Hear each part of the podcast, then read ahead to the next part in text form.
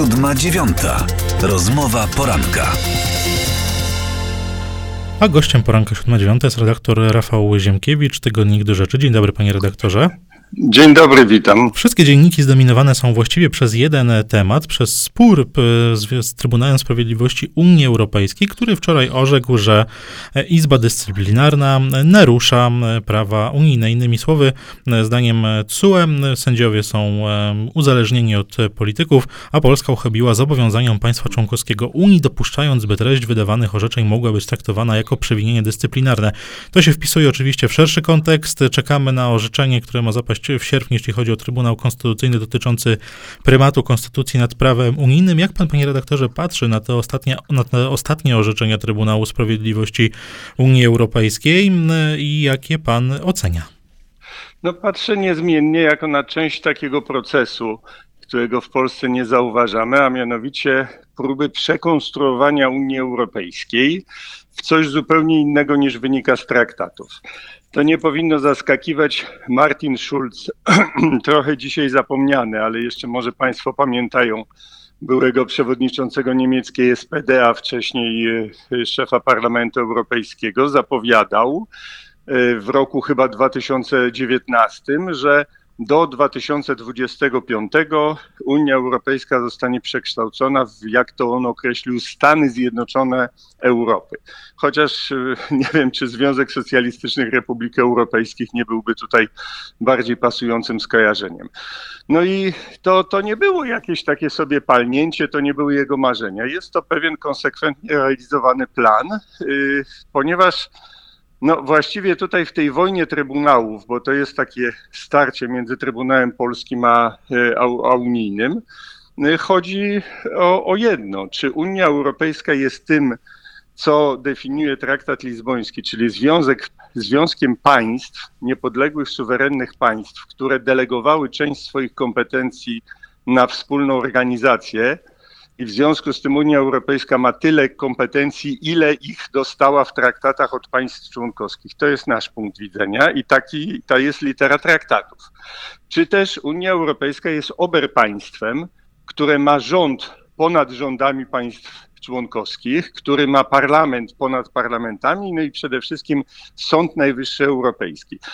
Ta, to przekształcenie się odbywa prawem kaduka. No, po prostu y, kilka lat temu TSUE wydało orzeczenie, w którym uznało się za taki Sąd Najwyższy, to znaczy wykorzystując skargę sędziów portugalskich, orzekło, że wszyscy sędziowie w Europie są sędziami europejskimi, którzy podlegają kontroli TSUE. I teraz jest, mamy taki spór kompetencyjny. Są państwa, które się już zgodziły na prymat prawa unijnego nad krajowym. To jest Belgia, to jest przede wszystkim Irlandia, która nawet do konstytucji sobie wpisała, że prawo Unii Europejskiej jest ponad prawem irlandzkim, natomiast większość państw się na to nie zgadza. A no właśnie, panie redaktorze, tu pytanie, czym pana zdaniem to się skończy? Bo z jednej strony mamy te instytucje unijne, które się rozpychają, łamią traktaty, depczą je i próbują sobie zagarnąć kompetencje i wspiera je Komisja Europejska. Z drugiej strony mamy państwa członkowskie i tym razem nie jesteśmy osamotnieni w tej walce, bo takie same orzeczenia wydał m.in. niemiecki Trybunał, francuski,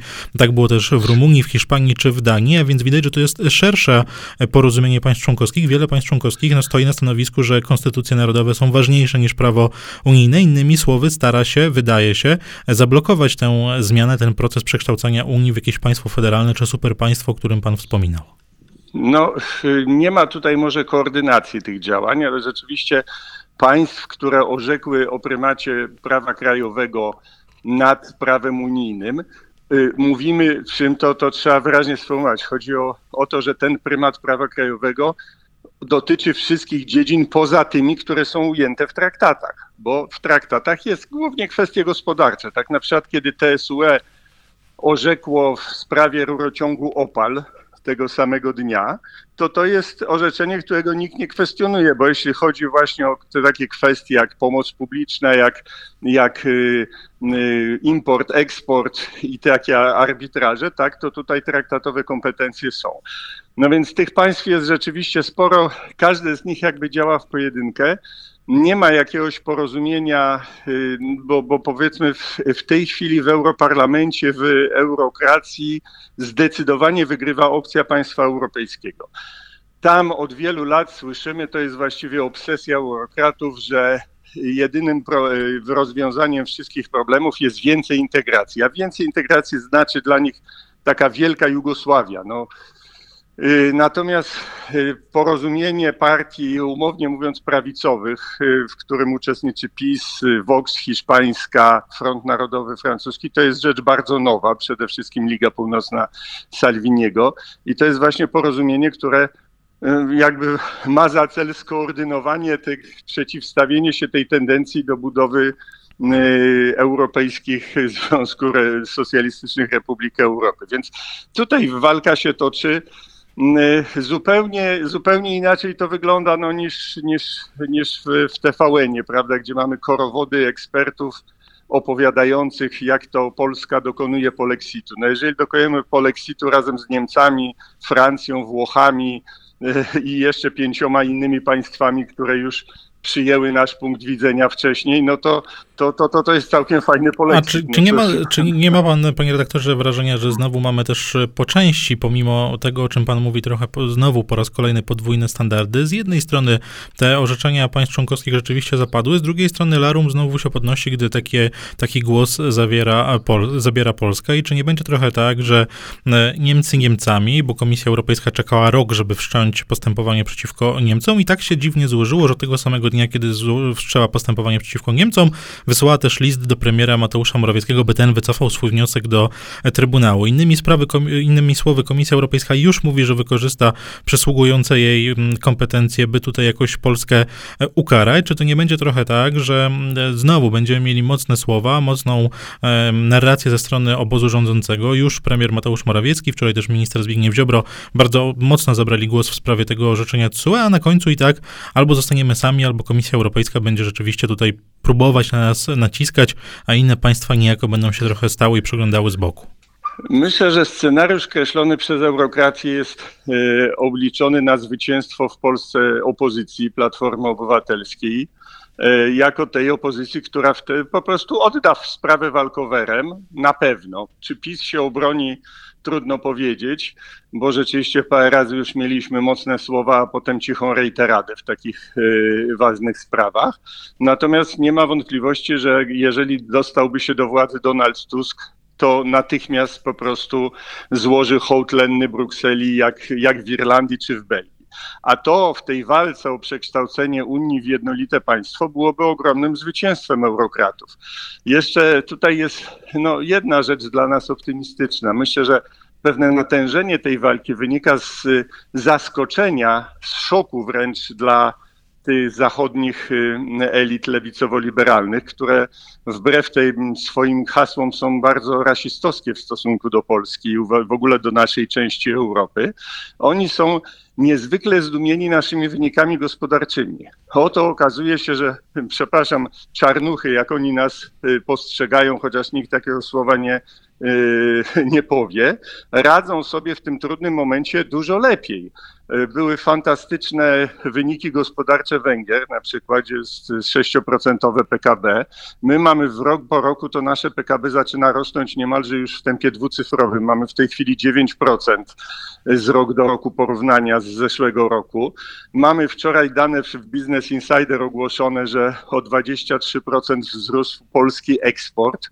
To są wszystko rzeczy pokazujące, że no można powiedzieć, to jest ostatnia chwila dla idei państwa, y, ober państwa europejskiego, bo jeżeli Polska przeciągnie ten, ten proces deptania, obroni się jakoś przez najbliższe 2-3 lata, to możemy mieć za 2-3 lata zupełnie inną sytuację. Polakom się stereotypowo kojarzy Zachód z dobrobytem, a Polska z biedą, ale proszę mi wierzyć, jeżeli plan Timmermansa, który został ogłoszony tego samego dnia, co wyrok Trybunału TSUE wobec Polski, jeżeli ten plan zacznie być wprowadzany w życie, to y, koszty życia w Unii Europejskiej wzrosną tak potwornie, że zacznie się po prostu wielki kryzys gospodarczy, czego w, w ideologicznym zaślepieniu yy, tam kompletnie, czy może w pazerności, bo za tą polityką klimatyczną stoją ogromne koncerny, które biliony dolarów na niej zarabiają, czy biliony euro, yy, to za, za tym wszystkim po prostu pójdzie, jak sądzę, też kryzys społeczny. Więc to nie jest tak, jak się wydaje ludziom pokroju Radosława Sikorskiego, którzy widzą Europę jako jakieś wielkie, wspaniałe mocarstwo, które tak czy owak musi nas wziąć w posiadanie, bo my jesteśmy cieniasy, a tam jest dobrobyt. Prawda jest taka, że oni pikują w dół, a my rośniemy i chodzi tylko o to, żeby w Polakom nie zabrakło woli do skonsumowania własnego sukcesu. Bardzo ciekawy obraz pan, panie redaktorze, nakreślił e, tej sytuacji i tego sporu, ale jeszcze chciałbym zapytać, bo czas nam powoli dobiega końca, a chciałem zapytać o, tę, o to ideologiczne szaleństwo, o którym pan e, wspomniał, bo tak się też złożyło, że wczoraj Komisja Europejska wszczęła przeciwko Polsce procedurę o naruszenie unijnego prawa w związku z tak zwanymi strefami wolnymi e, od LGBT.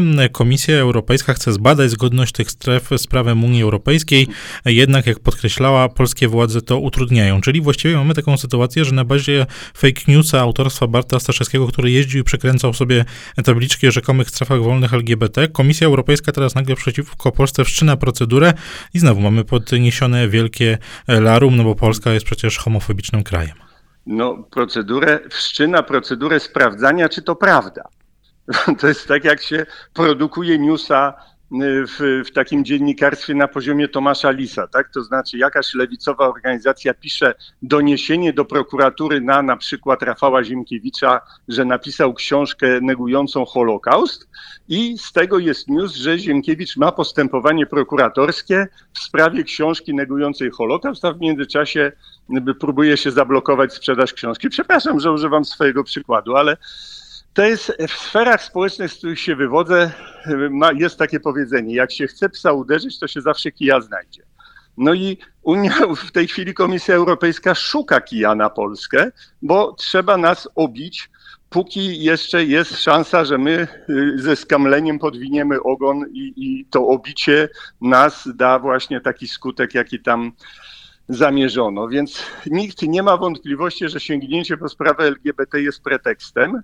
I proszę też nie mieć wątpliwości, że starcie pójdzie dalej. To znaczy, że atak akurat na polskie sądownictwo, bardzo wątły, bo jak się posłucha te uzasadnienie, które Zbigniew Safian wygłaszał to też jest ironia, prawda, że Zbigniew Safian jako przewodniczący Trybunału Konstytucyjnego sam w 2005 roku orzekał w Polsce wyższość prawa krajowego nad unijnym, a teraz jako sędzia TSUE ogłasza coś dokładnie odwrotnego i, i taką ewolucję przeszło całe jego środowisko. Jak się wsłucha w to, co on, to właściwie uzasadnienie było takie, no, nader miałkie. On powołuje się, TSUE się powołuje na kartę praw, konkretnie na paragraf, że Unia Europejska zapewnia wszystkim sprawiedliwy proces. Koniec. Co tam jest o Izbie Dyscyplinarnej Sądu Najwyższego? No nic, dalej już jest czysta interpretacja.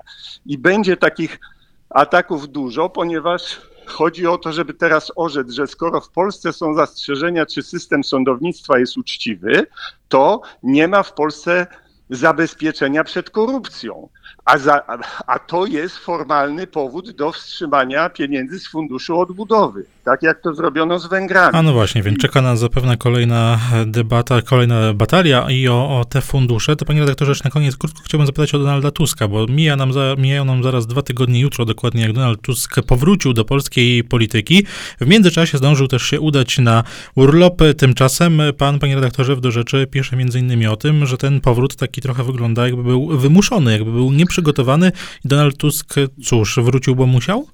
No, szczerze mówiąc, no jak zinterpretować fakt, że Donald Tusk od dwóch miesięcy wie, że wróci, e, od dwóch lat, powiedzmy to sobie szczerze, nie ma niczego do roboty, bo funkcja, którą sprawował, jest raczej fikcyjna.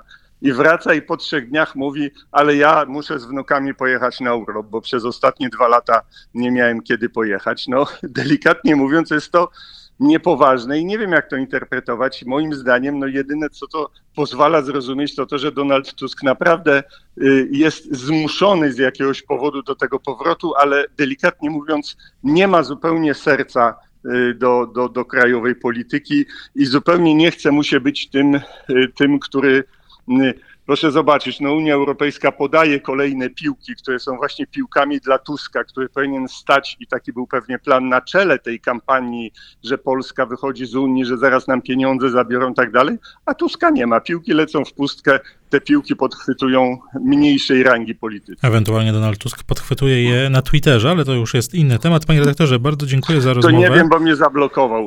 bardzo dziękuję serdecznie. Może, może tym, tym razem oszczędził pan redaktorowi swoich treści. Moim i Państwa gościem redaktor Rafał Ziemkiewicz, publicysta, pisarz Tygodnik do Rzeczy. Bardzo dziękuję panie redaktorze za rozmowę. Dziękuję serdecznie. Do usłyszenia.